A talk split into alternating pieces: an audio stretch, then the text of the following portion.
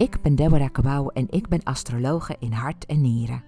Ik ben auteur en uitgever van horoscoopboeken en horoscooprapportages en de eigenaar van de webshop horoscoopboeken.nl. Ik ben astrologisch business coach. Mijn missie is om levens van anderen positief te transformeren en dat doe ik door de exclusieve adviseur te zijn van vrouwelijke ondernemers in dienstverlenende beroepen. Bij mij komen coaches, trainers en adviseurs, als ook ondernemende vrouwen in de media- en entertainmentbranche. Het merendeel is 70 tot 80 procent op weg met hun missie. Wat hebben deze vrouwen met elkaar gemeen? Zij zien zichzelf als de waardevolste investering binnen hun bedrijf. Ze willen eruit halen wat erin zit en goede strategische keuzes maken. Zit jij hier naar te luisteren en denk je: Goh, ze heeft het over mij? Ik heb een unieke methode ontwikkeld waardoor ik in jouw geboortehoroscoop kan zien waar jouw goud ligt en hoe jij dat het beste kunt verzilveren. Ik geef VIP-dagen die ik achter de schermen heel minutieus voorbereid en mijn grote gave is dat ik je potentieel volledig zie en dat ik dat weet te vertalen naar concrete, kansrijke ideeën voor jouw business. Ik geef je aan het einde van deze podcast de link hoe je met mij in contact kunt komen of raadpleeg de show notes bij deze podcast. Deze podcast ben ik gestart om mijn grote passie met jou te delen: astrologie. Ik ben hier om jou te helpen herinneren wie je bent en wat jouw levensmissie is. Geen zweverig gedoe, maar wel met veel spiritueel gevoel.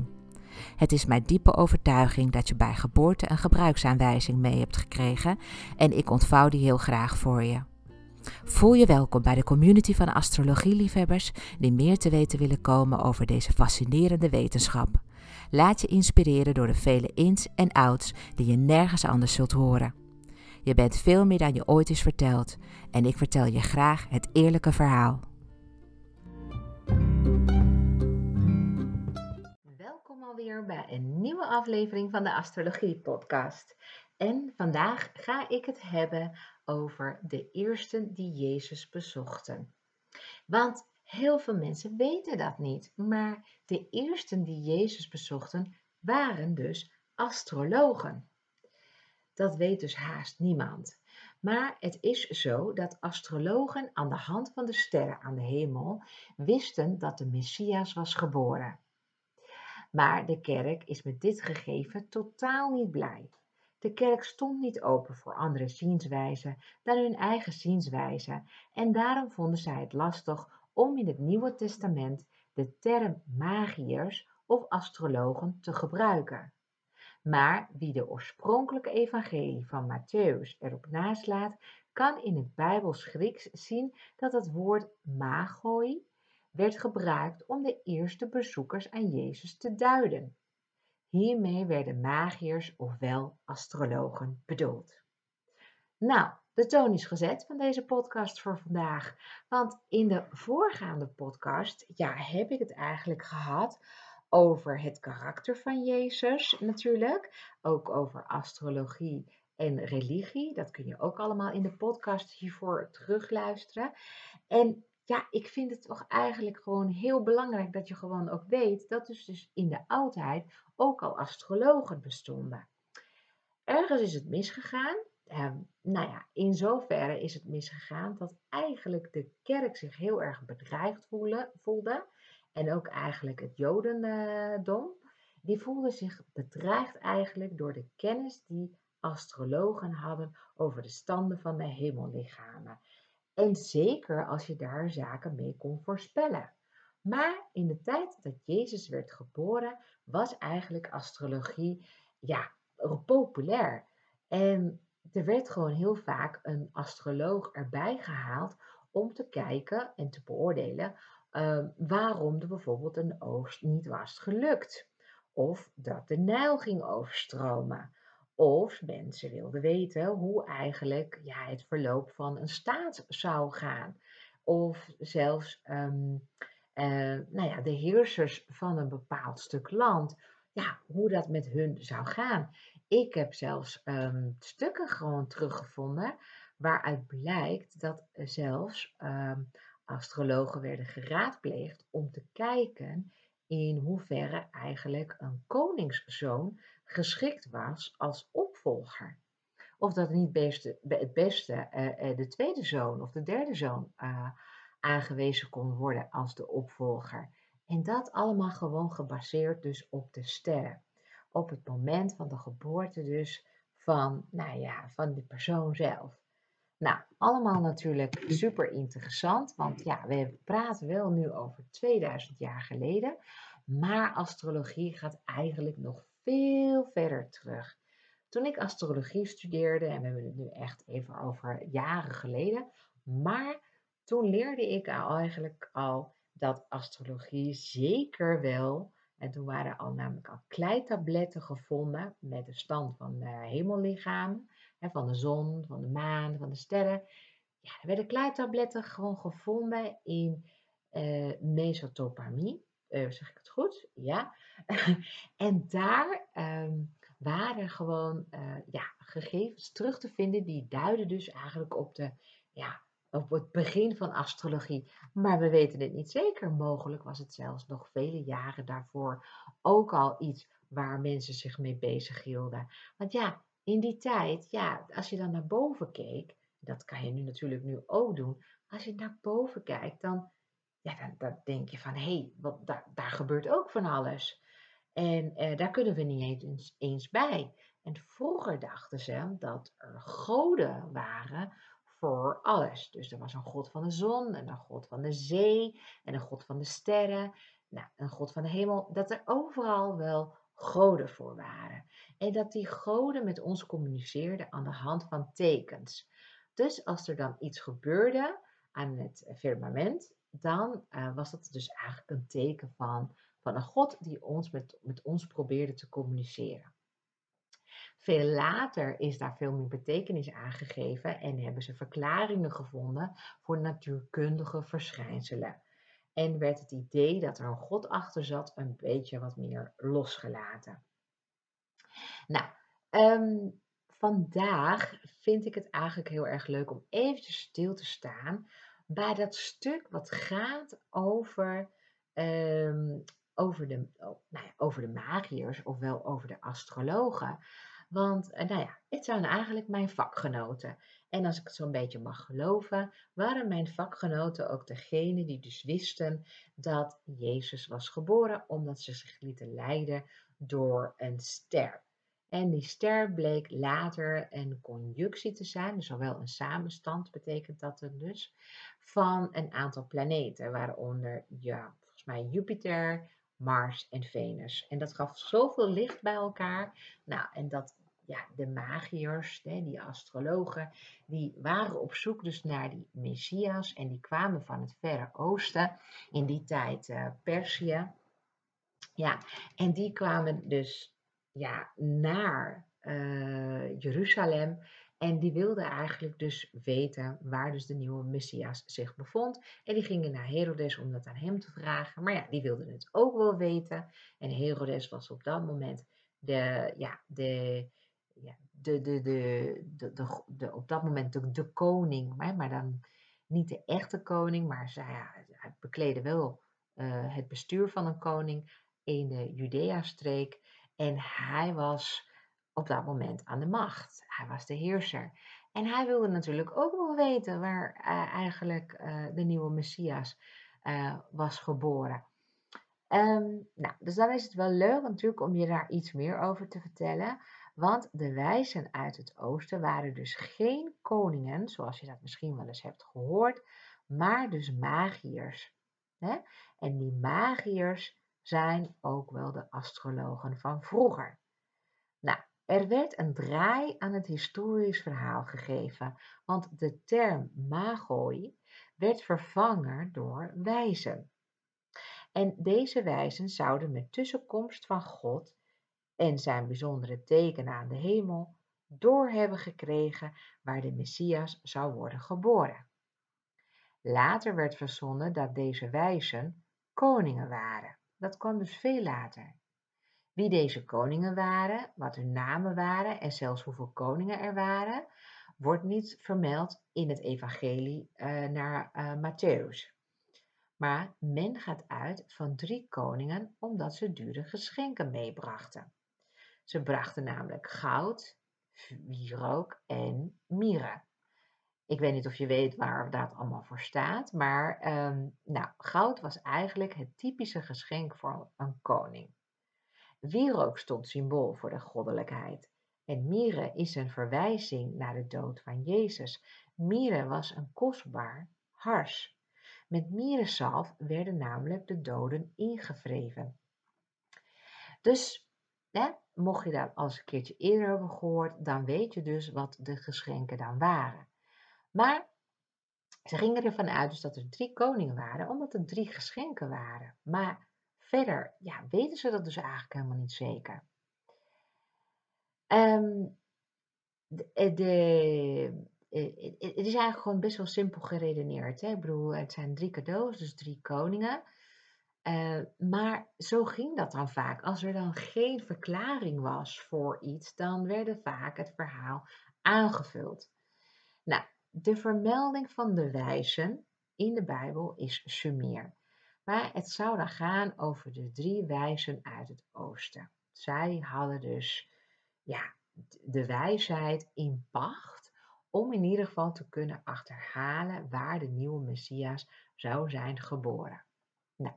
In Perzië en in het oosten, ik weet niet of je dat allemaal wel weet, maar ehm, in China wordt ook al jaren, nou ik heb het over duizenden jaren, wordt ook Chinese astrologie beoefend. Daar is ook heel veel kennis hè, van de sterrenhemel. En het is ook misschien ook wel mogelijk, het kan heel goed mogelijk zijn geweest, dat ze daar meer wisten. Ehm, dat ze met de technieken veel verder waren, of met de kennis over de planeetstanden veel verder waren dan, dan, dan de mensen op dat moment in Jeruzalem. En dat kan, hè? of de Romeinen, hè? want in die tijd heersten de Romeinen. Dus ja, alles is mogelijk. Wie zal het zeggen? Maar het is wel heel gaaf natuurlijk om te weten dat dus God, uh, sorry, de Zoon van God, Jezus dus, bezocht eerst, eerst ehm, als het ware als een soort van kraamvisite, door drie mannen. En die drie mannen die zouden dan de leeftijd hebben van 20, 40 en 60. En dat staat dan representant voor alle uh, fases van de mannelijkheid. een jongen van 20, en dan eh, iemand van middelbare leeftijd en dan iemand die ouder is. Um, veel meer is eigenlijk niet bekend over deze magiërs, deze astrologen. We weten alleen dat ze nou ja, dat is wat we dan terug kunnen lezen hier en daar, is dat ze als martelaars zijn geëindigd. Um, dat ze dus wel terug waren gekeerd naar Perzië, naar hun land van herkomst. Dus naar het oosten weer terug. Maar um, ja, dat ze uiteindelijk als martelaars zijn gestorven. Maar andere verhalen vertellen weer dat ze weer tot, tot, tot, tot, tot bischop hebben geschopt in uh, India. Dus ja, dat weten we niet. Dus hun verhalen zijn verder niet opgevolgd. Maar het is wel goed dat je in ieder geval weet dat de wijzen uit het oosten en de drie koningen zijn verzonnen door de kerk om het verhaal uit de astrologie-sfeer te houden. En waarom ze dat wilden, waarom dat dus niet zo, ja, waarom zij dus eigenlijk niet eh, in één adem genoemd wilde worden met astrologie, dat had ook een reden. Een reden die veel mensen niet weten, maar dat weet ik wel en dat ga ik je natuurlijk ook wel vertellen.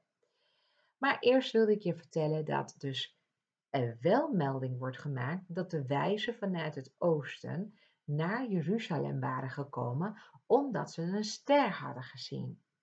Uit die ster maakten ze op dat de Messias de Messias is dus de lang verwachte koning der Joden, dat die dus was geboren. Herodes was destijds de niet ware koning der Joden en hij was ziedend over de mogelijke geboorte van de Messias. Want dat was een bedreiging voor hem.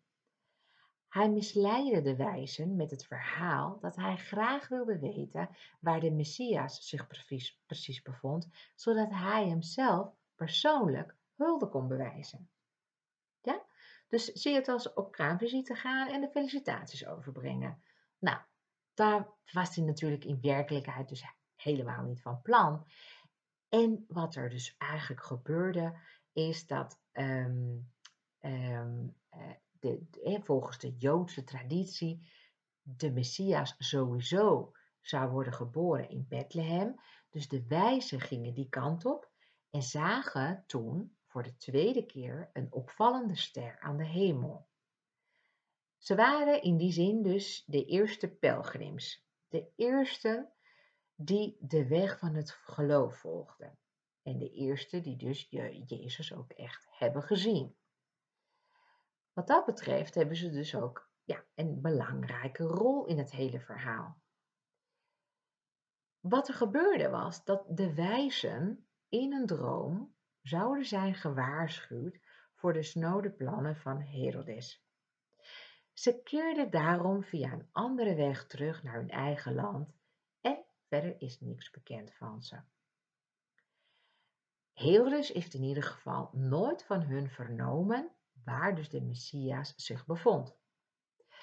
Toen Herodes erachter kwam dus dat de drie wijzen terug waren gekeerd, liet hij alle pasgeboren kinderen tot twee jaar in Bethlehem vermoorden.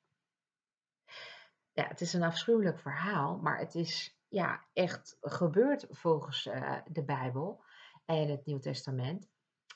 Jozef, Maria en Jezus konden wel tijdig vluchten naar Egypte, dus daar was het wel goed gegaan. Maar al die andere kinderen, ja, die moesten dus het leven laten. De rest over de drie koningen is dus legende, ofwel door ons mensen verzonnen. Al dan niet gebaseerd op een kern van waarheid, maar wie zal het zeggen? Dat het dus om drie koningen zou gaan en zelfs welke koningen, nou, er wordt melding gemaakt van Caspar, Melchior en Balthasar. Dat verhaal is er later aan toegevoegd. Deze koningen worden verder niet besproken en volgens de legende zijn ze als martelaar geëindigd, zoals ik zei. Maar andere bronnen vermelden weer andere dingen. Dus zo zie je maar dat je eigenlijk er geen echt touw aan vast kan knopen. Daarom vind ik het altijd interessant om terug te gaan naar de bron. Hè? Waar staat dan dit verhaal? Waar kan jij dit verhaal nou terugvinden en, en, en teruglezen? En zeker weten dat ik het niet verzin of dat ik het niet goed heb geïnterpreteerd. Um, ik ga jou daarbij helpen. Je zal dan eventjes gewoon moeten gaan kijken naar de nieuwe Bijbelvertaling van de Nederlandse Bijbelgenootschap. Ik haal uh, mijn kennis natuurlijk uit Matthäus 2 en, en, dan zeker de punten 1 tot 12.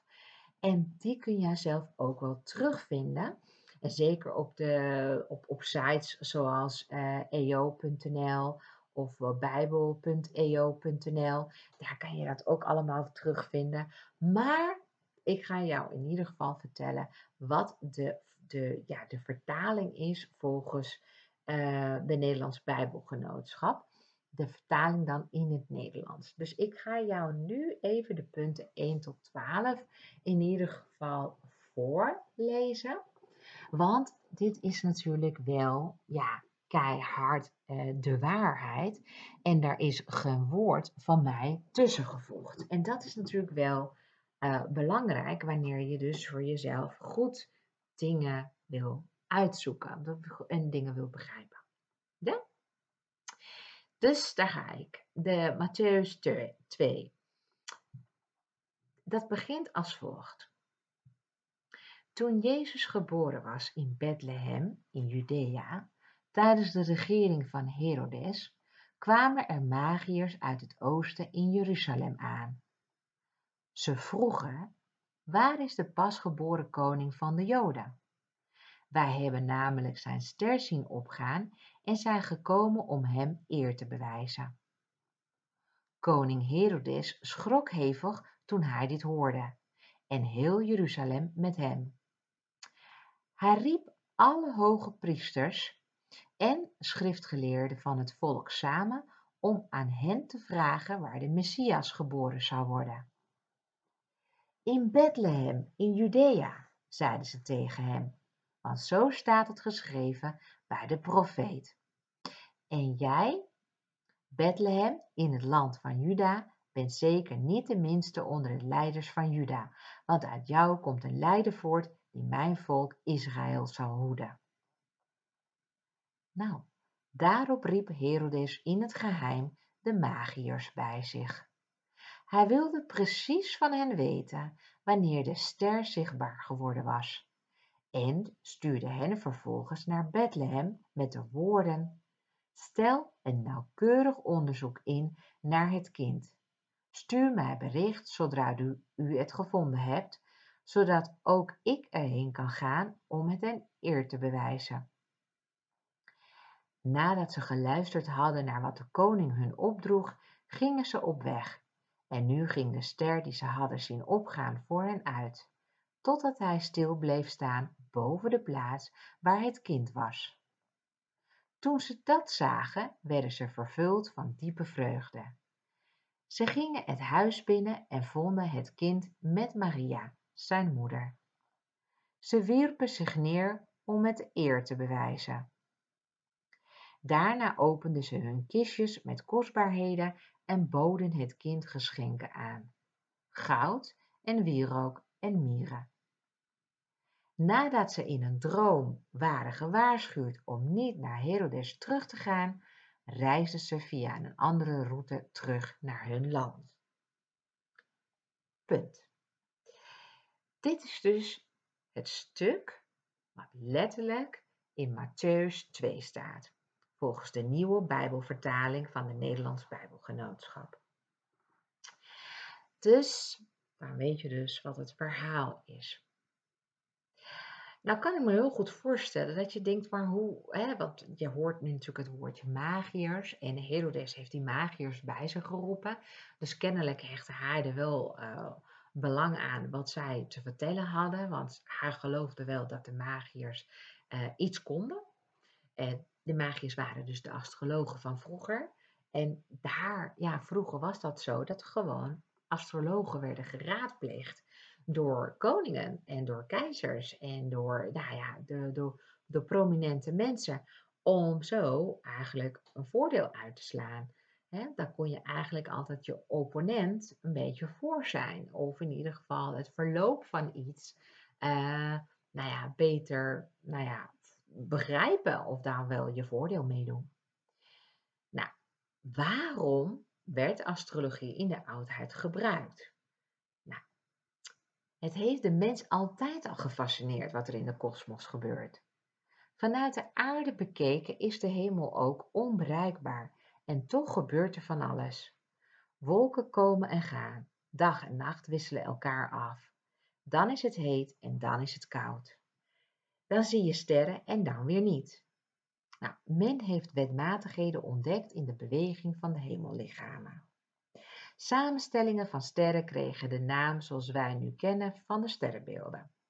Dus eigenlijk het sterrenbeeld Ram bijvoorbeeld is een constellatie. Een constellatie zijn dus een aantal sterren bij elkaar.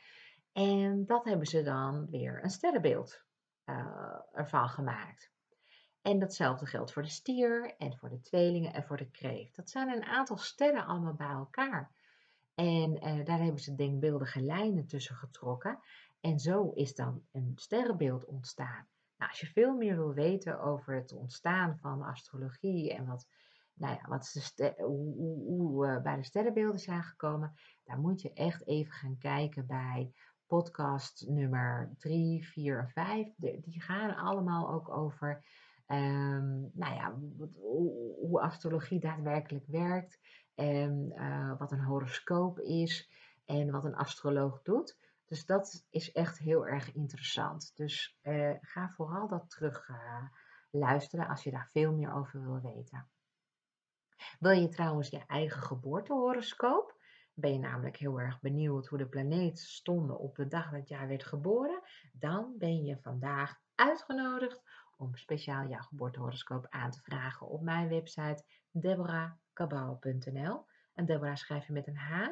En daar op die website, nou, het spreekt voor zich, je vult je gegevens in, want je hebt je geboortedatum, je geboortetijdstip en je geboorteplaats nodig. En als je dat invoert, dan krijg je van mij een e-mail terug met een e-book met jouw geboortehoroscoop en daar belangrijke informatie. Super gaaf, mega waardevol. Dus doe, doe het lekker na het beluisteren van deze podcast. Oké, samenstellingen van sterren kregen dus de naam zoals wij die nu kennen van de sterrenbeelden. Tot zover werd deze wetenschap astronomie genoemd. Later gingen de Babyloniërs, de Romeinen en de Egyptenaren betekenis geven aan de standen van de sterren en de planeten. Ze probeerden zo eh, iets te, voorspellen wat we vandaag de dag onder natuurkundige verschijnselen zouden scharen. Eh, je, je kunt hierbij natuurlijk denken aan het voorspellen van de overstroming van de Nijl, het slagen van de oogsten, nou die dingen wat ik al in eerdere had gezegd.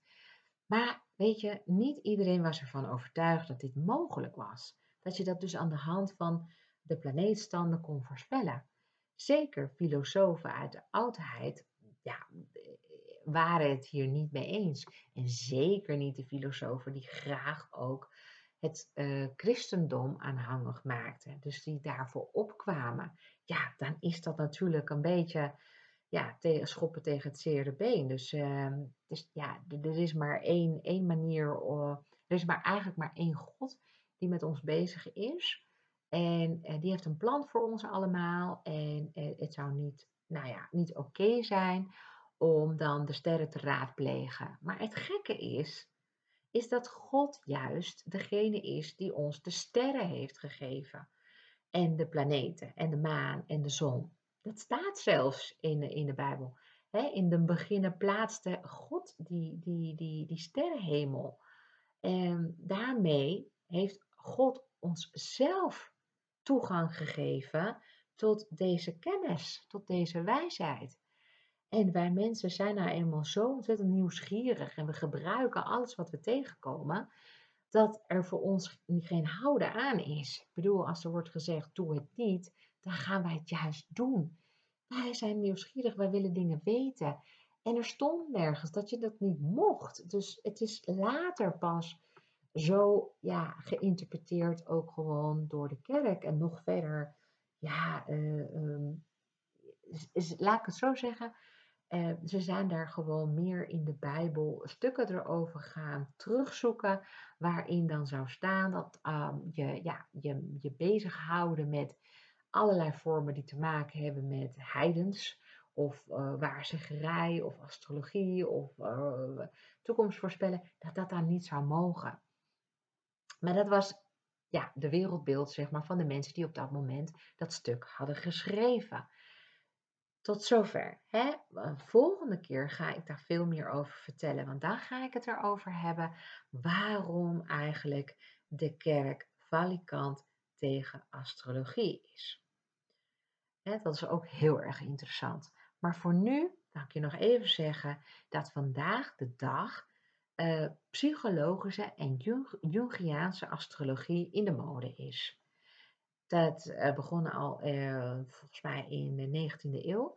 Maar deze vorm van astrologie houdt zich niet bezig met voorspellingen en verwerpt ook het fatalistische karakter van de middeleeuwse astrologie come on. het is gewoon, ja, old school. Hè? Moderne astrologen gaan uit van vrije wil en niet van een onontkoombaar lot waar je niet onderuit kan. Het is logisch dat er ontwikkeling is in de kijk op astrologie, want zo is dat namelijk op elk gebied, zoals op het gebied van geneeskunde, biologie, astronomie, etc. Kennis wordt door de jaren heen vergaard en nieuwe methoden worden geïntroduceerd. Voor mensen is het lastig om de astrologie van vandaag de dag te onderscheiden met de astrologie van de oudheid. Alles wordt gewoon onder één pot nat gewoon gegooid, maar ja, dat is dus niet zo. Er heeft natuurlijk, de tijd heeft niet stilgestaan en alles is doorontwikkeld. En ik ben zo'n moderne astroloog. Ik gebruik natuurlijk de allerlaatste uh, methoden en technieken die er voorhanden zijn. En eh, ik heb dus ook gewoon ontzettend goede geavanceerde software waarin ik wereldwijd eh, verbonden ben met een netwerk van astrologen die op het allerhoogste niveau ehm, astrologie beoefenen.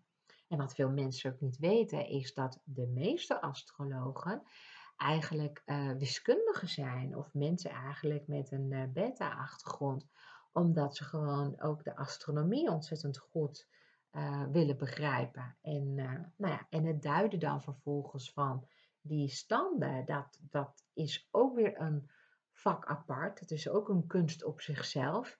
Ehm, maar ik maak heel erg dankbaar gebruik eigenlijk van al die mensen die zo ongelooflijk veel weten en hebben onderzocht en hebben ontwikkeld op het gebied van astrologie. En ook astrologie software en methoden en technieken. Want er is in de, binnen de astrologie niet maar één methode.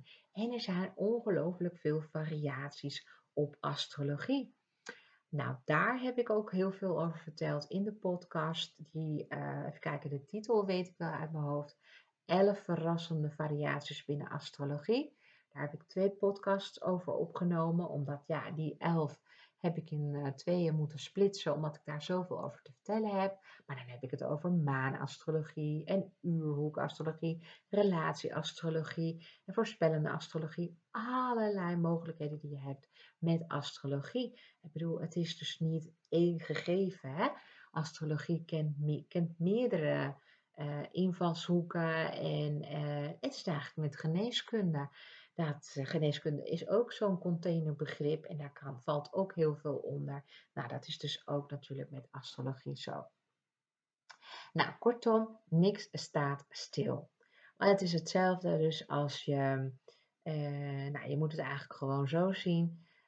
vroeger waren er bijvoorbeeld geen communicatiemiddelen. Hè? Er waren van die rookwolken tussen dorpen om elkaar te waarschuwen. Daar begon het zo'n beetje mee. Maar nu, vandaag de dag, kan iedereen met slechts één druk op de knop een gesprek voeren met iemand anders. En zelfs iemand zien waar ook ter wereld. Ik bedoel, dat is toch gewoon crazy. Ik bedoel, als je dat vroeger zou hebben verteld dat dit zou komen, dan zou iedereen je voor gek verklaren. Nou, en wat daag je van ziektes, zoals kanker, die vroeger niet genezen konden worden? Ook daar heeft de kennis niet stilgezeten. Nou, dat geldt dus voor astrologen ook. Zij putten uit kennis van onze voorouders en voegen daar iets nieuws aan toe. Zo blijft alles in ontwikkeling. Ikzelf ben echt razend benieuwd hoe astrologie zich komende eeuwen gaat ontwikkelen. Voor nu heb ik genoeg kennis in huis om zelfs een paar levens mee te vervullen. Maar ik ben echt ontzettend benieuwd wat we er nog straks allemaal mee zullen kunnen. Oké, dit was dan alweer de podcast van vandaag. Wacht heel even voordat je weggaat. Ik wil je nog even wat zeggen. Ik heb namelijk voor volgende week nog één podcast in petto die uh, te maken heeft dus met de kerk en astrologie. Waarom? Omdat ik daar ook heel veel vragen over krijg van, hey, hoe zit het nou? Ik ben gelovig, maar uh, volgens, uh, nou ja, volgens de mensen die ik ken is astrologie, uh, nou ja, verboden volgens de kerk. Um, en hoe zit dat nou eigenlijk precies? En nou ja, ik vind het eigenlijk best wel leuk om je dat uit te leggen op mijn manier, zodat jij dat dan ook begrijpt. Um, en uh, ik neem daar ook in niet een standpunt. Ik heb daar geen oordeel over. Ik probeer uh, daar ja, met een afstand naar te kijken. Maar uh, goed, ik ben natuurlijk wel dol op astrologie. En um, ik kan daar heel ongelooflijk veel over vertellen. En dat geldt natuurlijk voor een priester die een geloof aanhangt, natuurlijk ook. Dus iedereen heeft zo zijn eigen vakgebied. Maar weet dat het dus prima is dat die, dat die werelden allemaal naast elkaar bestaan. Het is niet of-of, maar het is en-en. Dus haal daar gewoon je voordeel uit. Goed, bedankt voor het luisteren. Mocht je zoiets hebben van dit vind ik echt een kei leuke podcast en een podcastshow, je kunt je gewoon abonneren op de podcast, zodat je geen enkele aflevering gaat missen. Sterker nog, ehm, ik, uh, de content die je allemaal beluistert is vooralsnog gewoon vrij. Het is gratis. Um, maar ik weet niet hoe lang ik dat gewoon nog ga doen. Want uh, ja, mogelijk dat ik gewoon daar een, ooit een abonnement op ga zetten. En dan, uh, ja, daar kun je er niet meer bij. Nou, ik heb zoiets van iedereen die zich nu abonneert op de podcast. Um, en dat is gewoon gratis. Je doet gewoon volgen. Um, dan uh, ontvang je gewoon mijn updates automatisch. Je ziet gewoon dat er weer nieuwe afleveringen klaarstaan. Zodra jij je lievelings uh, podcastkanaal opent, Spotify of misschien op mijn website. Maar goed, je ziet in ieder geval dan dat ik online, uh, dat, er, dat er een nieuwe aflevering online is. En jij krijgt dan levenslang toegang tot deze podcasts. Dus gewoon lekker abonneren. Dankjewel alweer voor het luisteren. En uh, ik wens je een hele, hele fijne dag. Ik weet niet waar je nu aan het luisteren bent. Maar ik ben alweer mezelf helemaal aan het broeden op de volgende aflevering. Want die gaat dus over de kerk. En waarom dus de kerk valikant tegen astrologie is. Super interessant. Dankjewel alweer voor het luisteren. En tot de volgende keer.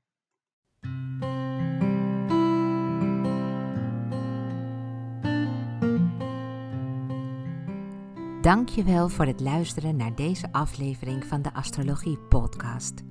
Met deze podcast wil ik je inspireren over astrologie, zodat je voor jezelf kunt nagaan of deze eeuwenoude wijsheid je antwoorden geeft waar je lang naar hebt gezocht.